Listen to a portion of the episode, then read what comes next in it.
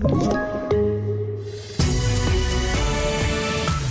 TV4-nyheterna börjar med att Exportkreditnämnden, EKN, kommer inte bevilja kreditgarantier för affärer mellan två statliga energibolag i Belarus och Siemens i Finspång. Det är efter att affären uppmärksammats av TV4s Kalla fakta. Det var i augusti förra året som EKN erbjöd så kallade villkorade garantiofferter på cirka 2 miljarder kronor för export av gasturbiner till Belarus. Och mer om det här kan du se på tv4.se. Och 30 nya dödsfall med bekräftad covid-19 har rapporterats idag vilket innebär att totalt 14 396 personer avlidit i smittan i Sverige enligt Folkhälsomyndigheten som håller koll på statistiken.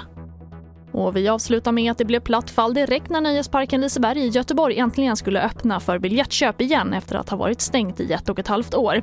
Sajten kraschade och folk som ville boka biljetter möttes av en errorsida. Ebba Källeskog är pressansvarig på Liseberg. Idag klockan 10 så skulle vi släppa eh, biljetterna till sommarsäsongen på Liseberg när vi äntligen får öppna 3 juni då. Men redan innan klockan 10 så var det över 6 000 personer eh, på, på sajten och eh, strax innan eh, 10 där så eh, gick hemsidan ner. Men nu verkar bokningssidan funka igen.